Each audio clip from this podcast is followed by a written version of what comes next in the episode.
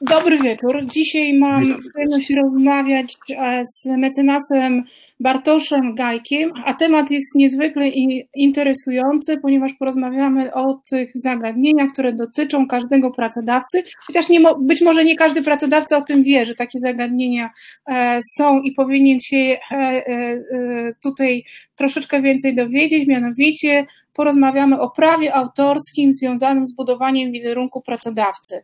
To może na początek, czy moglibyśmy w prostych słowach wyjaśnić, co to jest to prawo autorskie, e, te różne znaczki, które czasami spotykamy na stronach internetowych, książkach, które mówią wszystkie prawa zastrzeżone. Hmm. No, zacznę od tego, że e, mógłbym przytoczyć definicję taką, jaką e, ustawa prawa autorskie nam mówi, ale to jest jedna z tych gałęzi prawa bardzo abstrakcyjna.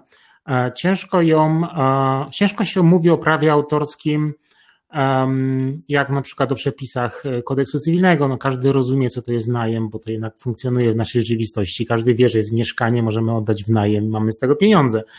E, z prawem autorskim jest nieco bardziej abstrakcyjne, dlatego raczej e, nie skłaniam się ku jakimś definicjom i staranie się ich przybliżać, tylko mówię o przykładach. Tak? E, prawo autorskie to jest takie samo prawo jak każde inne. Jak mamy samochód, to jesteśmy właścicielem prawa, prawa własności tego pojazdu. Jeżeli stworzymy coś, co jest oryginalne, E, co e, ma charakter indywidualny, co w jakiś sposób zostało ustalone, czyli no przybrało jakąś formę materialną, powiedzmy, czy cyfrową, e, no to mamy do czynienia właśnie z przedmiotem prawa autorskiego, czyli tak zwanym utworem. I dzięki temu, że mamy prawa do tego utworu, on podlega ochronie. Tak samo jak mamy prawo do samochodu, możemy oczekiwać, że teoretycznie nikt nie powinien nam tego samochodu zwędzić. Tak samo jest z prawem autorskim i tu również prawo autorskie można w cudzysłowie ukraść. Okej, okay, bardzo dobre porównanie, będziemy się jego trzymać. A czy wobec tego w kontekście zatrudniania pracownika w ogóle pracodawca powinien zajmować się takim działem jak prawo autorskie? No weźmy sobie na przykład osobę, która pracuje w marketingu i e, ma za zadanie budowanie marki pracodawcy. No, myślę, że osoba, która pracuje w marketingu, to właściwie głównie zajmuje się czymś, czym się prawo autorskie interesuje, tak, przedmiotem jego zainteresowania.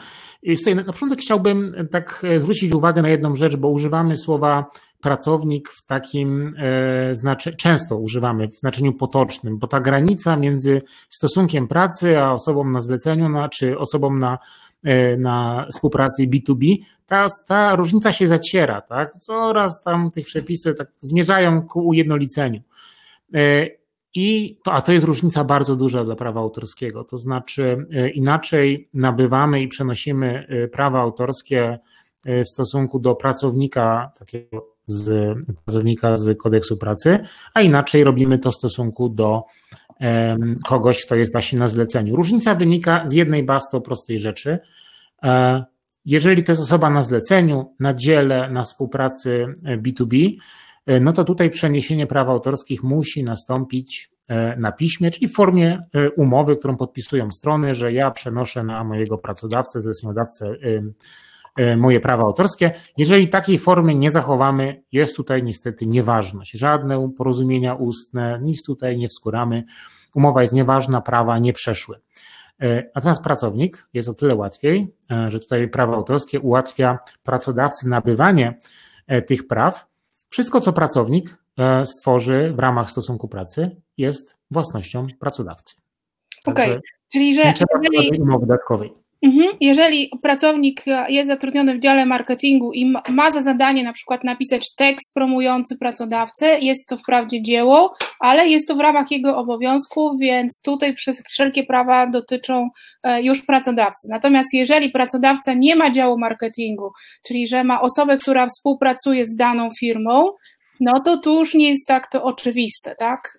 No, poruszyłaś bardzo ważną kwestię i to jest nagminny błąd i, i, i, często może wiele kosztować. I to jest właśnie to, na czym właściwie jedyna rzecz, na jaką pracodawca powinien ogarnąć w cudzysłowie, to jest właśnie ten temat. Faktycznie jest tak, że pracodawca nabywa e, prawa autorskie stworzone przez pracownika w czasie pracy, Ale tu nie mhm. chodzi o to, że pracownik jest fizycznie w biurze i, i klepie w klawiaturę, tylko chodzi, że robi to w ramach przypisanych mu indywidualnie obowiązków pracowniczych. Innymi słowy, Twój przykład z pracownikiem, który jest w dziale marketingu, no oczywiście, jeżeli jego zadaniem jest tworzenie tekstów reklamowych, pisanie kopy, no to, to, to pracodawca te prawa nabywa. Ale jeżeli mamy sytuację, gdzie Pan pracuje w magazynie, a przy okazji popełnia wspaniałą powieść, no to pomimo tego, że ją popełnił w czasie pracy, e, no to pracodawca absolutnie tych praw autorskich tej powieści nie nabywa, bo po prostu nie leżało to w gestii obowiązków magazyniera. Mhm. A mamy czasami takie trudne sytuacje. E, firmy tak zwanych nowych technologii, mają taką e, tendencję, że mówią, my jesteśmy e, firmą e, adhokracji, stawiamy na innowacyjność, więc 10-20% swojego czasu możesz poświęcić na wymyślanie nowych produktów. No i wszystko jest ok, pracownik jest zadowolony, bo może się tutaj wykazać swoją taką kreatywnością, z rozwijaniem swoich hobby czy zainteresowań, które są mu bliskie. No a problem się pojawia wtedy, jak on wymyśli jakąś bardzo cenną rzecz, jakiś nowy produkt i ten produkt się spodoba. No i wtedy kto jest właścicielem e, wobec tego praw do tego produktu nowego? Mhm. No tu jeszcze wchodzimy w kwestię e, wynalazków, to jest jeszcze osobna gałąź, o, gałąź prawa. Natomiast poruszyłaś bardzo ważną kwestię w kontekście naszych obowiązków pracowniczych. Zresztą tak chyba z tego co mówisz, to y, chyba to Google ma też taką y, tak, praktykę, tak. prawda? Że właśnie pracownicy, tak. fajne produkty Google powstały właśnie w ten sposób, że ktoś miał ciutkę więcej czasu wolnego. Nie trzeba do tego być wielkim startupem, żeby mieć tego typu problem prawny, bo na przykład mamy panią asystentkę, e, która na co dzień odbiera pocztę, wysyła pocztę, robi telefony i wszystkie i setki innych czynności, a jak ma chwilę czasu, to na przykład zajmuje się, ogarnia w cudzysłowie e, media społecznościowe. E, no i co okay. wtedy, jeżeli przygotuje te utwory e, na jakieś grafiki na Instagrama na przykład, kto nabywa prawa? No w tej sytuacji nie leży to w jej obowiązkach. Rozwiązaniem tej, tego problemu jest albo wpisanie w regulamin tego stanowiska takiego dodatkowego obowiązku, albo co jest zdecydowanie lepszą praktyką, bo w mniejszych firmach, no to mówmy się, to bardziej się mówi o ludziach niż o stanowiskach. Mhm. E, po prostu wpisanie tego do umowy o pracę, że ktoś jest asystentem, ma takie i takie obowiązki, ale jeszcze dodatkowo powierzamy mu obowiązek związany z e, właśnie prowadzeniem mediów społecznościowych. No właśnie, teraz chyba przejdziemy do tej najtrudniejszej kwestii, mianowicie do mediów społecznościowych. Wszyscy je kochamy. Wiemy, że jest to miejsce, gdzie pracodawca może pisać o sobie. Najczęściej jest to serwis albo LinkedIn, albo Facebook, więc serwisy niepolskie i nie należące do pracodawcy. W związku z tym, no właśnie, kto jest właścicielem tekstów, zdjęć, filmów tam publikowanych, E, może jakiś grafik e, związanych z, e, z daną firmą. Bo mhm. tutaj krążą różne, powiedziałabym, opinie. różne są opinie, mamy dlatego. Na Facebooku i mamy znak zapytania, no dobrze, no to właściwie to po czyjej stronie jest to prawo? Hmm. Nawet czytałem parę tygodni temu wypowiedź pana ministra cyfryzacji, który również wyraził taką wątpliwość, kto jest właścicielem, czy Facebook, czy ja, trzeba to uregulować.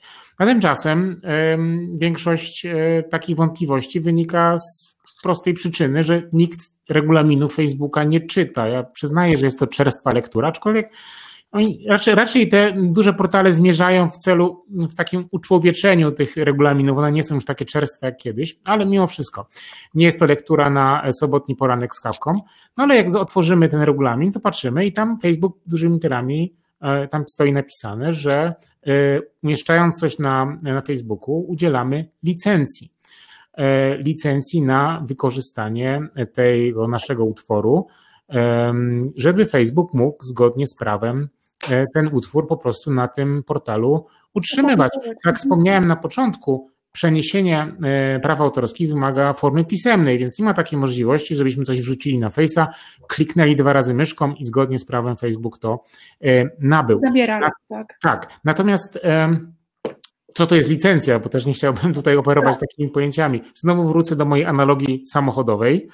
E, to jest po prostu sposób na korzystanie z naszego prawa bez wyzbywania się go. Jeżeli mamy samochód i komuś oddamy w najem ktoś nam za to płaci, a na sam koniec oddaje samochód, to jest nic innego jak licencja. Tak samo jest z e, naszymi utworami. Ktoś przez jakiś czas korzysta z naszego utworu albo korzysta w mhm. sposób stały e, i za to nam płaci. Bardzo popularną e, formą licencji są wszelkiego rodzaju programowanie subskrypcyjne. Tak? Po prostu płacimy co miesiąc opłatę, ona w rzeczywistości nazywa się subskrypcja i to jest po prostu opłata licencyjna. No to ciekawe. To dzięki za to wyjaśnienie, bo w tym momencie mamy już jasność, ale pójdźmy dalej, bo przecież w internecie znowu panuje taka powszechna opinia, że wiele rzeczy tam jest i te rzeczy, które się znajdzie, no to, to jest bezpłatne. Myślę tutaj głównie o zdjęciach, bo e, te są nam potrzebne, żeby dodać jak gdyby takiej uwagi do tekstu, który przygotowaliśmy.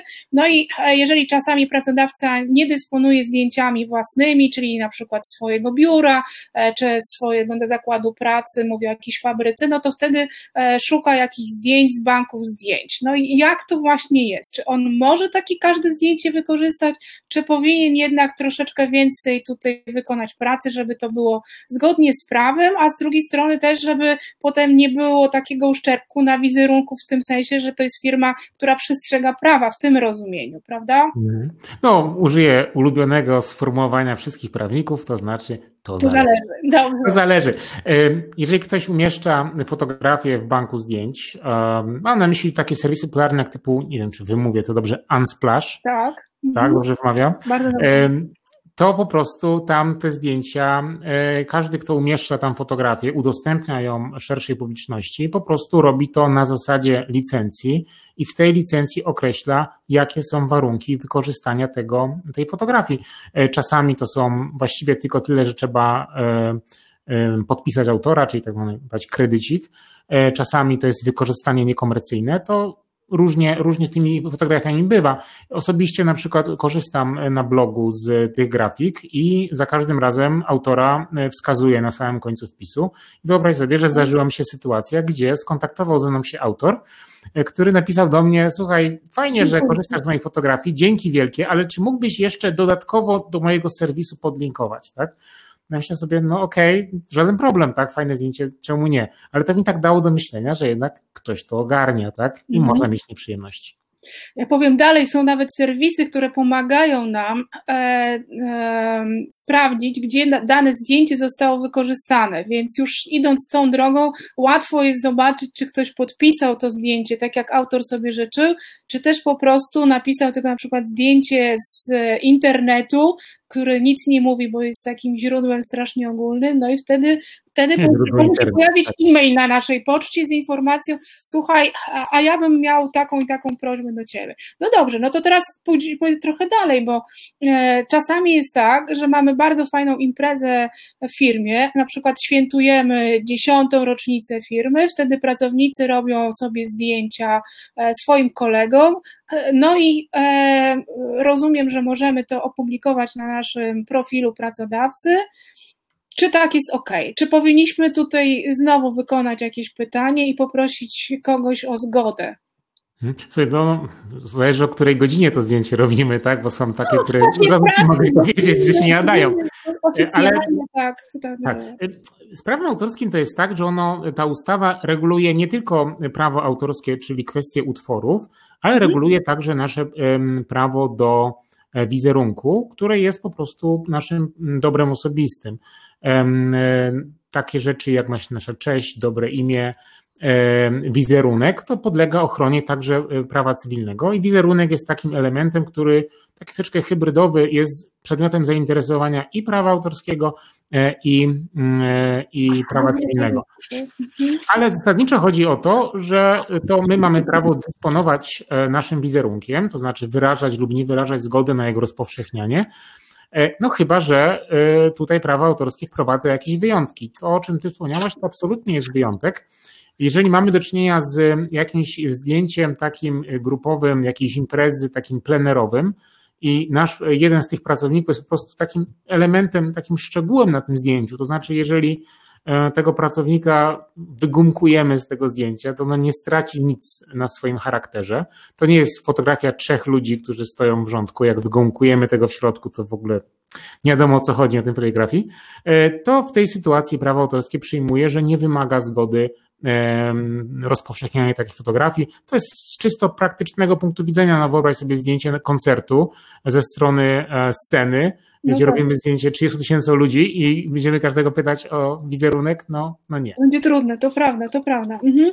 Ale ja miałam takie pytanie jeszcze, e, czy wobec tego autora powinniśmy w tym momencie zapytać i czy w dobrym tonie byłoby na przykład e, zapytać się go zanim opublikujemy na naszym profilu pracodawcy, bo e, rozmawialiśmy chwilkę temu, że jeżeli kupujemy zdjęcie, no to podpisujemy autora. Jeżeli wykorzystujemy te banki zdjęć bezpłatnych, też powinniśmy w dobrym tonie raczej podpisać autora, a tutaj e, e, chodziło mi o to, czy w dobrym tonie jest zapytać pracownika, że chcielibyśmy wykorzystać, bo bardzo nam się to zdjęcie podoba, e, na naszym profilu. Hmm. No ja zawsze jestem zwolennikiem takich rozwiązań niesiłowych. Oczywiście, że dużo fajnie byłoby, jeżeli ktoś nie tylko, że jest świadomy tego, ale także to akceptuje i wręcz popiera. No to jest idealny scenariusz. Czasami jest to technicznie niemożliwe, no jeżeli to jest jakaś impreza korporacyjna, gdzie jest 150 osób na, na tej fotografii, no to mierzmy siły na zamiary. Ale tak, zasadniczo jestem wielkim zwolennikiem tego, żeby y, tymi prawami autorskimi i kwestiami wizerunku zarządzać w sposób taki racjonalny, ugodowy, y, no bo to się po prostu na dłuższą metę y, no, zwyczajnie opłaca. To nie jest tylko przyzwoite, ale również się to po prostu opłaca. No dobrze, a, a, może teraz wobec tego e, poprosiłabym Ciebie jako eksperta prawa e, autorskiego, czy mógłbyś nam podpowiedzieć e, jakąś sytuację, która powinna być szczególnie taka, powiedziałabym, wzorcowa, jak nie należy postępować w mediach społecznościowych. I tu mam na myśli taką publikację ze strony albo na profilu pracodawcy, albo sytuację, w której na przykład pracownik może nie, nie do końca świadomy, zachowuje się e, w taki sposób troszeczkę nieelegancki, e, e, pisząc coś na przykład na profilu pracodawcy. Mhm. Wiesz co, no tutaj bardzo jest dużo różnych warstw um, związanych z aktywnością w, w mediach społecznościowych. No jedna warstwa to jest kwestia odpowiedzialności pracodawcy za pracownika. Jeżeli pracownik działając w ramach swoich obowiązków po prostu y, komuś jakiś utwór y, skradnie i umieści na naszym profilu, no to jest wyrządzona komuś szkoda i za tą szkodę odpowiada mhm. pracodawca, kodeks pracy. Tu nie pozostała wątpliwości, że to pracodawca odpowiada za to, co pracownik e, zrobi. To się niczym nie różni od tego, że pracownikowi spadnie młotek z podestu komuś na samochód, od tego, że ktoś, że pracownik e, czyjąś fotografię e, przeklei, jego tekst przeklei i wrzuci na, e, na profil nasz firmowy, to jest również szkoda majątkowa i również za to pracodawca e, odpowiada.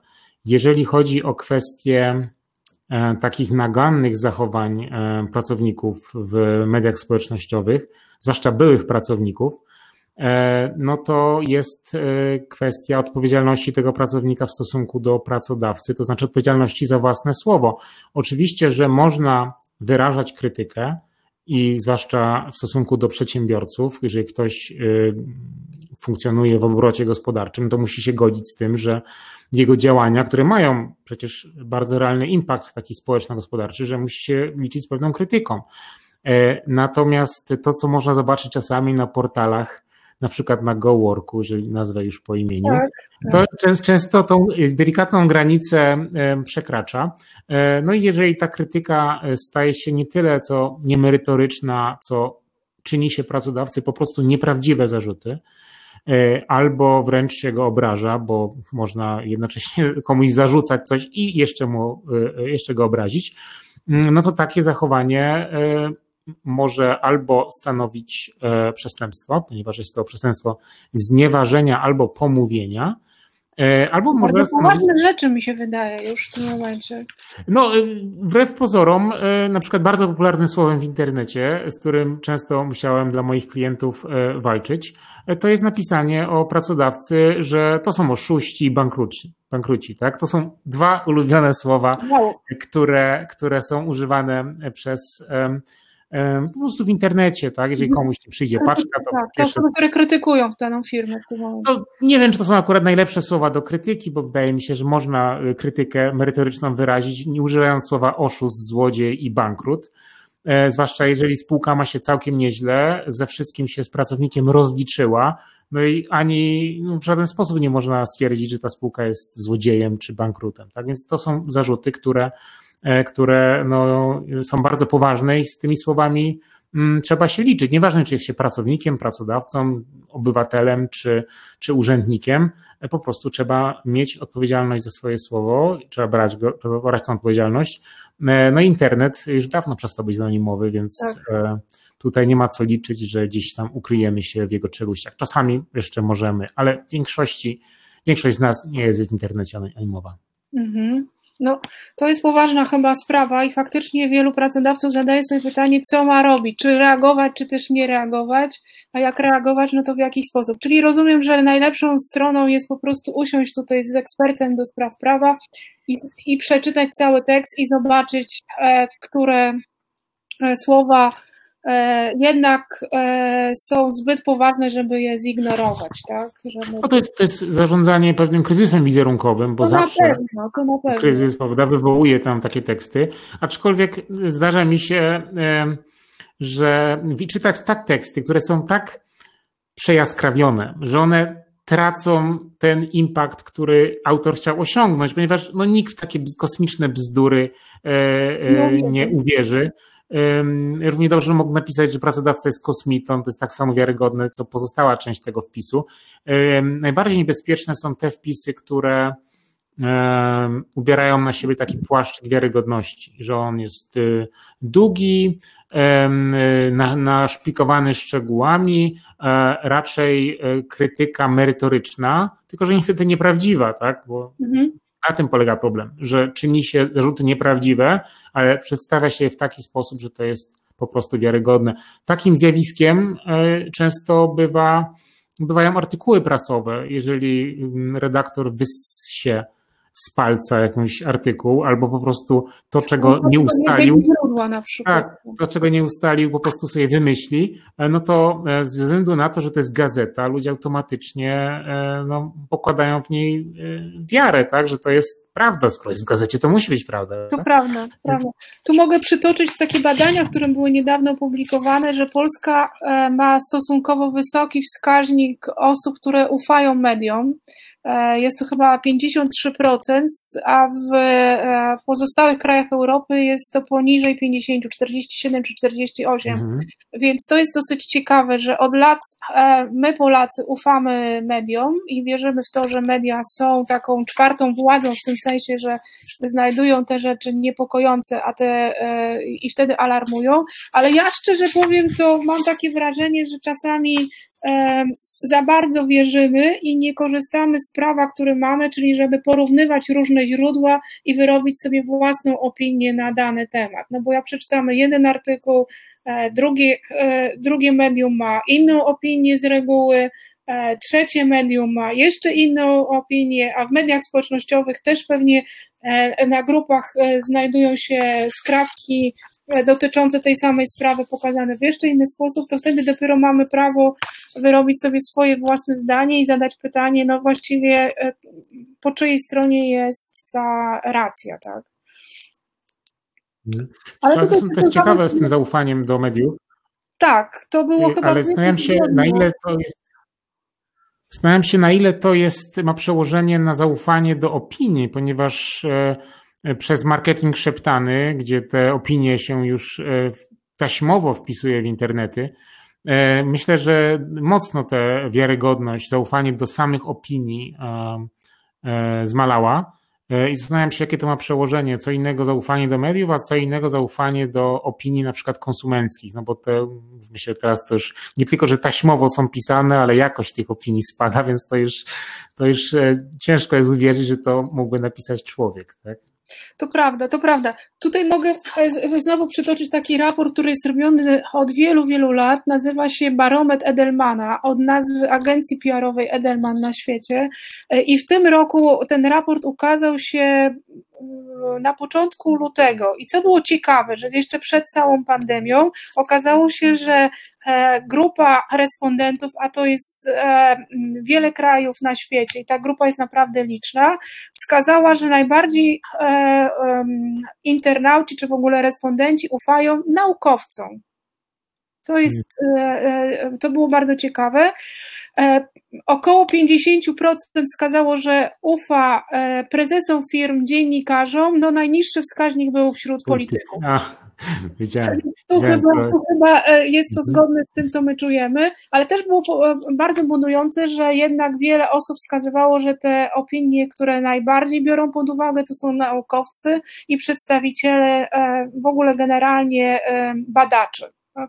To jest super pod warunkiem, że wiemy, kto sponsoruje badanie, prawda? Tego nie wiemy, to jest agencja PR-owa na świecie. Jedna ja mówię ogólnie o badaczach, tak, o naukowcach. No czasami też e, to pewien cień podejrzeń rzuca na wyniki no różnych tak. badań naukowych, jeżeli mamy tam sponsora, kto zainteresowany z odpowiednim rozstrzygnięciem. Okej, okay. to wróćmy jeszcze do naszego wizerunku, bo tak przygotowałam dwa pytania znowu z praktyki. E, sytuacja jest taka, że firma e, opracowała sobie materiały z kampanii wizerunkowej, to są materiały w postaci na przykład filmu korporacyjnego, w którym są e, nagrane poszczególne osoby z różnych działów, E, czy też na przykład wyprodukowała raport roczny, który coraz częściej jest przygotowywany przez firmy. On ma taką formę podsumowania, co w tej firmie się działo, jakie były działania CSR-owe, e, jakie były podejmowane działania na rzecz edukacji. No i w pewnym momencie dowiadujemy się, że jedna z osób, która brała udział w tej sesji, odeszła z firmy i zmieniła zdanie, czyli że wycofała swoją zgodę na opublikowanie wizerunku. Kłopot jest duży, no bo pieniądze zostały wydane na produkcję poszczególnych materiałów i co w tym zakresie powinniśmy zrobić? Zrezygnować z tej kampanii, czy, czy mamy jakieś inne wyjście? Hmm. No, myślę, że częstszym problemem jest to, że e, e, pracodawcy działają e, szlachta na koń wsiędzie, jakoś to będzie, czyli robimy zdjęcia, nagrywamy, a potem pomyślimy, czy coś tam trzeba od pracowników jakieś podpisy wziąć, tak?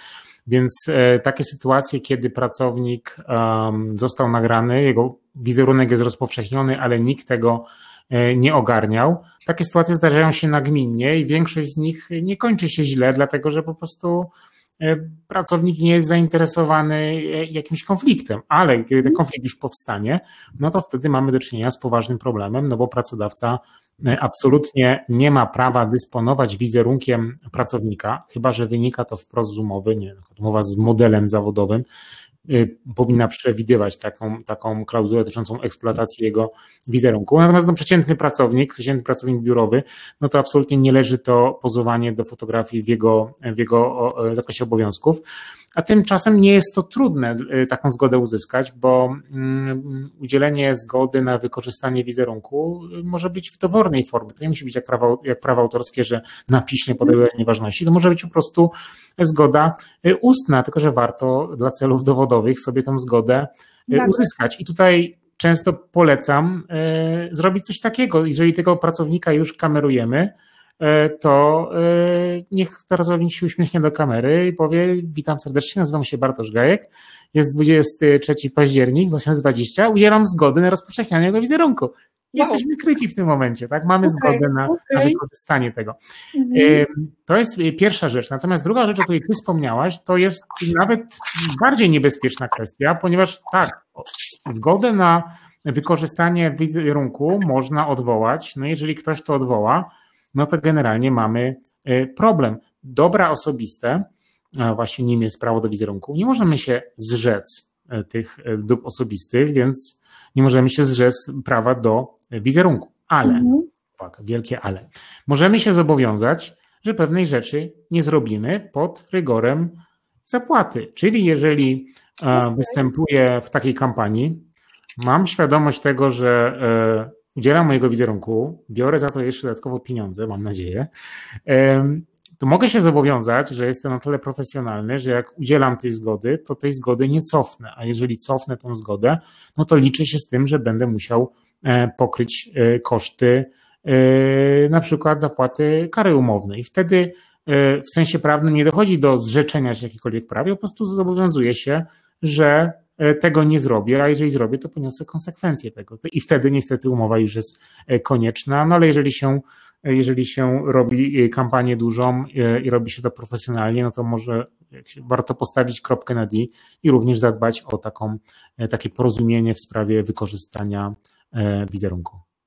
To prawda, wiele firm zanim wyłoży duże już wtedy kwoty, bo przygotowanie filmu to już jest troszeczkę wyższy koszt niż e, na przykład opracowanie e, nie wiem, jednego artykułu i opublikowanie go na stronie internetowej, które można szybko e, zmodernizować, w tym sensie, że zmienić zdjęcie, można tam wtedy mhm zmienić. I tekst no, z, z filmem już jest troszeczkę trudniej. Nie, nie zawsze można, jeżeli się na przykład taką osobę e, nagrywało, jak wykonuje e, na przykład jakieś zajęcie, wyobraźmy sobie na przykład magazyniera, który jeździ na wózku widłowym, a to jest część jak gdyby kampanii, e, która zachęca inne osoby, które chciałyby również pracować w danym magazynie. No to główny bohater zaczyna być tutaj też i główną postacią, wokół której ten film został nakręcony. Ale rozumiem, że dobrą praktyką będzie wtedy E, przygotowanie takich umów przed rozpoczęciem e, procesu nagrywania, wyjaśnienie, jakie ma prawa e, wobec tego i pracownik, i pracodawca, i też pomyślenie o tym, że no jeżeli się będzie chciał wycofać, to jak taką sprawę w przyszłości byśmy wobec tego rozwiązywali, właśnie mhm. poprzez na przykład Fajnie, że użyłaś, Fajnie, że użyłaś tego słowa umowa, ponieważ często spotykam się z oświadczeniami o zgodzie na wykorzystanie wizerunku, a tymczasem e, najbardziej właściwa jest umowa, ponieważ w niej określamy nasze wzajemne prawa i obowiązki, e, określamy w jaki sposób, w jakich kontekstach wizerunek e, może być wykorzystany. To też jest bardzo ważne, bo to, że ktoś to, że ktoś udziela nam zgody na wykorzystanie wizerunku, to nie znaczy, że możemy go w dowolnym kontekście wykorzystywać. Było kilka spraw, gdzie zawodowa modelka jej znalazła swoją fotografię później w reklamie, jak w gazecie, tam telefonu audiotele, tak? E, gdzie no, jak ona to zdjęcie pozowała, to do głowy jej nie przyszło, że ta powiedzmy elegancka fotografia kiedyś będzie w takim kontekście wykorzystana. Dlatego dobrze jest właśnie określić e, kontekst. Jeżeli to jest materiał reklamowy, no to Oczywiście, że chcielibyśmy być super bezpieczni, to pracownik mógłby już po post factum akceptować te materiały, no ale to uważam, że jest zaproszenie do jakiejś niebezpiecznej dyskusji. Już pieniądze są wydane, więc może jednak skupmy się na tym przed e, wydaniem pieniędzy. I tak określamy, gdzie ten wizerunek możemy wykorzystać. Do tego jak najbardziej służy, e, służy umowa. Mhm. Bartosz, ostatnie pytanie z, e, z racji i wizerunku, i mediów społecznościowych. Zdarza się, że e, firma, głównie pracodawca, e, chce się pochwalić artykułem, który został opublikowany w, prasie. No i oczywiście wtedy jest taka sytuacja, że skanujemy ten artykuł i chcemy go zamieścić na naszej stronie internetowej albo opublikować taką wzmiankę na medium społecznościowym typu na przykład LinkedIn albo Facebook i załączyć to zdjęcie skanu. No i mamy do tego prawo, czy też nie, bo ja tutaj chciałam powiedzieć, że mam różne e, wrażenia. Tutaj chodzi o to, że e, niektórzy na przykład wydawcy mówią, nie, my takich rzeczy nie chcemy, e, żebyśmy upowszechniali. No właśnie, to jak do tego podejść? Jakie pytania sobie zadać, żeby rozważyć wszystkie, wszystkie możliwe mhm. opcje? Sobie przychodzą mi do głowy takie trzy scenariusze. Pierwsze, pierwszy scenariusz to jest wtedy, kiedy to jest prosta e, notka prasowa, tak? Króciutki tekst, e, który właściwie stwierdza tylko fakt, że firma X otworzyła halę w miejscowości Y i było bardzo fajnie, tak? To nie podlega ochronie prawa autorskiego. E, to prawo autorskie wprost na to wskazuje, więc tutaj nie ma z tym żadnego problemu. Druga kwestia jest taka, jeżeli sami napisaliśmy ten artykuł, E, mamy do niego e, prawa autorskie. Napisaliśmy artykuł do gazety, gazeta opublikowała nasz artykuł, tak? Więc tak naprawdę pokazujemy na internecie e, naszą twórczość, tylko po prostu w kontekście, mm, kontekście tego, że została opublikowana w konkretnym miejscu. No i trzecia możliwość, chyba myślę, że o niej mówisz, to jest wtedy, kiedy ktoś napisał o nas artykuł, E, no i my ten artykuł robimy kopiuj wklej na właśnie na przykład LinkedIna. E, no i tutaj prawo autorskie e, zna pojęcie czegoś, co nazywa się prawo cytatu. Je należy rozumieć absolutnie tak, jak powszechnie rozumiemy słowo cytat, tak? Więc możemy kawałeczek utworu przytoczyć, jakiś fragmencik. Bez tego myślę, że wiele książek by nigdy nie powstało, bo po prostu y, cytowanie nie tylko, że zwiększa atrakcyjność, wiarygodność tego dzieła, no ale czasami jest wręcz niezbędne, więc jeżeli chcemy napisać, że bardzo proszę, tutaj jest artykuł o nas, przytoczyć y, trzy zdania z tego artykułu, to to mhm. jest w ramach prawa cytatu. No ale jeżeli ktoś robi zdjęcie czy skan artykułu i w całości go umieszcza, no to tutaj absolutnie e, i robi to publicznie przede wszystkim, robi to publicznie, a nie tam gdzieś znajomemu na czacie, no to, no to absolutnie jest to, e, jest to naruszenie prawa i to nie jest, nie jest w porządku. Mhm. Bardzo się ciekawie z Tobą rozmawia i aż e, e, jestem e, mm, pod wrażeniem Twojej wiedzy. Ja się tylko zapytam, czy w momencie, kiedy w 1993 roku ustawodawca opublikował treść ustawy prawo e, autorskie, no to przecież wtedy internet raczkował, powiedzmy sobie szczerze. Nie była jeszcze taka powszechna e, używalność tego medium jak 10 lat później. W związku z tym, czy w tym, w tym konkretnych przepisach znajdziemy coś, co będzie wskazówką dla nas, jak interpretować nasze zachowania jako człowieka, który dba o wizerunek pracodawcy właśnie w tej ustawie, czy też e, e, można powiedzieć, no nie, ta ustawa jest tak stara, że ona w ogóle się do tego zakresu e, mediów społecznościowych nie odnosi? Wiesz co, tu mam taką dwuczłonową odpowiedź. Z jednej strony y, uważam, że przepisy, które są dobrze napisane, są ponadczasowe. E, czasami w kodeksie cywilnym, który jest z chyba 65 roku, do dnia dzisiejszego e, są przepisy, które są niezwykle stare, ale jak je odpowiednio zinterpretować, to można je do naszej rzeczywistości nadal, nadal wykorzystywać. Tak? Wykonanie strony internetowej to jest nic innego jak umowa o dzieło. Te przepisy mhm. są bardzo stare, a mimo wszystko możemy na podstawie tych przepisów te strony dalej tworzyć, dostawać za to skutecznie pieniądze.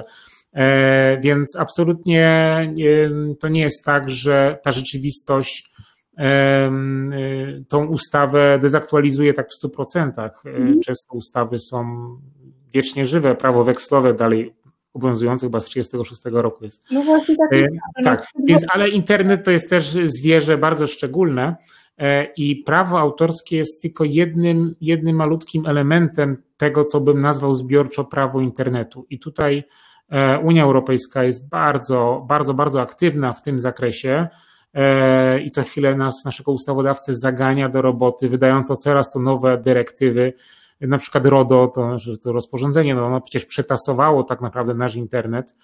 Teraz właśnie ustawodawca, nasz kochany, chyba w grudniu tego roku zamierza wprowadzić prawo komunikacji elektronicznej, które zastąpi E, prawo telekomunikacyjne, więc to się cały czas e, będzie zmieniać, tak samo jak zmienia się e, internet, ale internet coraz mniej przestaje być dzikim zachodem, a coraz bardziej robi się takim parkiem rozrywki, gdzie wszystko jest, że tak powiem, na szynach, pod kontrolą i, i myślę, że to jest ten kierunek, który będzie postępował. Coraz więcej regulacji, ale często regulacji, które są nam potrzebne i które nas chronią, e, albo przynajmniej zwiększają nasze bezpieczeństwo w sieci, więc no, czas pokaże, które regulacje okazały się być dobre, a które są kolejnym wymogiem, który przedsiębiorca po prostu musi westchnąć i po prostu na liście rzeczy do zrobienia odznaczyć, że ma jakiś kolejny nieszczęsny obowiązek. Tak? Mhm.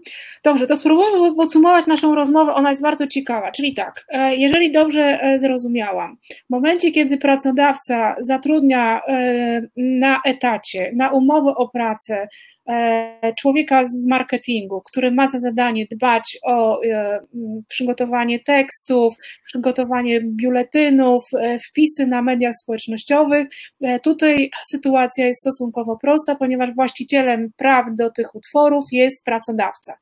W momencie, kiedy jednak ta sytuacja jest inna, czyli że w firmie nie ma działu marketingu, a takie prace zleca się agencjom reklamowym, ładnie nazywanym ostatnio agencjom social mediowym, to ta sytuacja jest troszeczkę inna i tu trzeba by było sporządzić specjalne umowy i doprecyzować, w którym momencie i jakie prawa e, są przenoszone na pracodawcę. Dobrze myślę?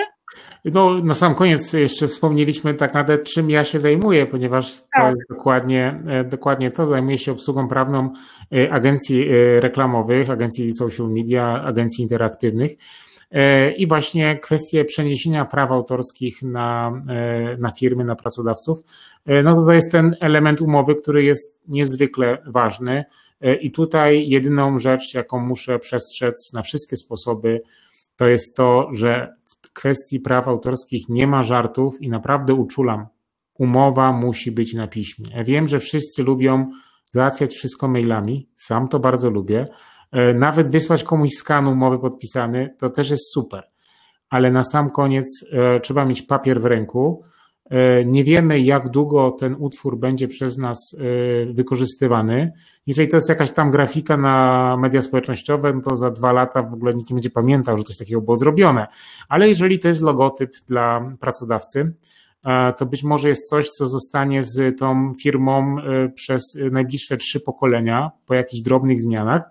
No i tutaj warto byłoby, żeby od samego początku o te prawa autorskie zadbać, bo potem się może okazać, że ten logotyp E, no, bardzo nabrał mocy rozpoznawczej, jest już tak mocno związany z e, naszą firmą, identyfikuje ją, potem okazuje się, że tak naprawdę no nie do końca możemy zgodnie z prawem go wykorzystywać.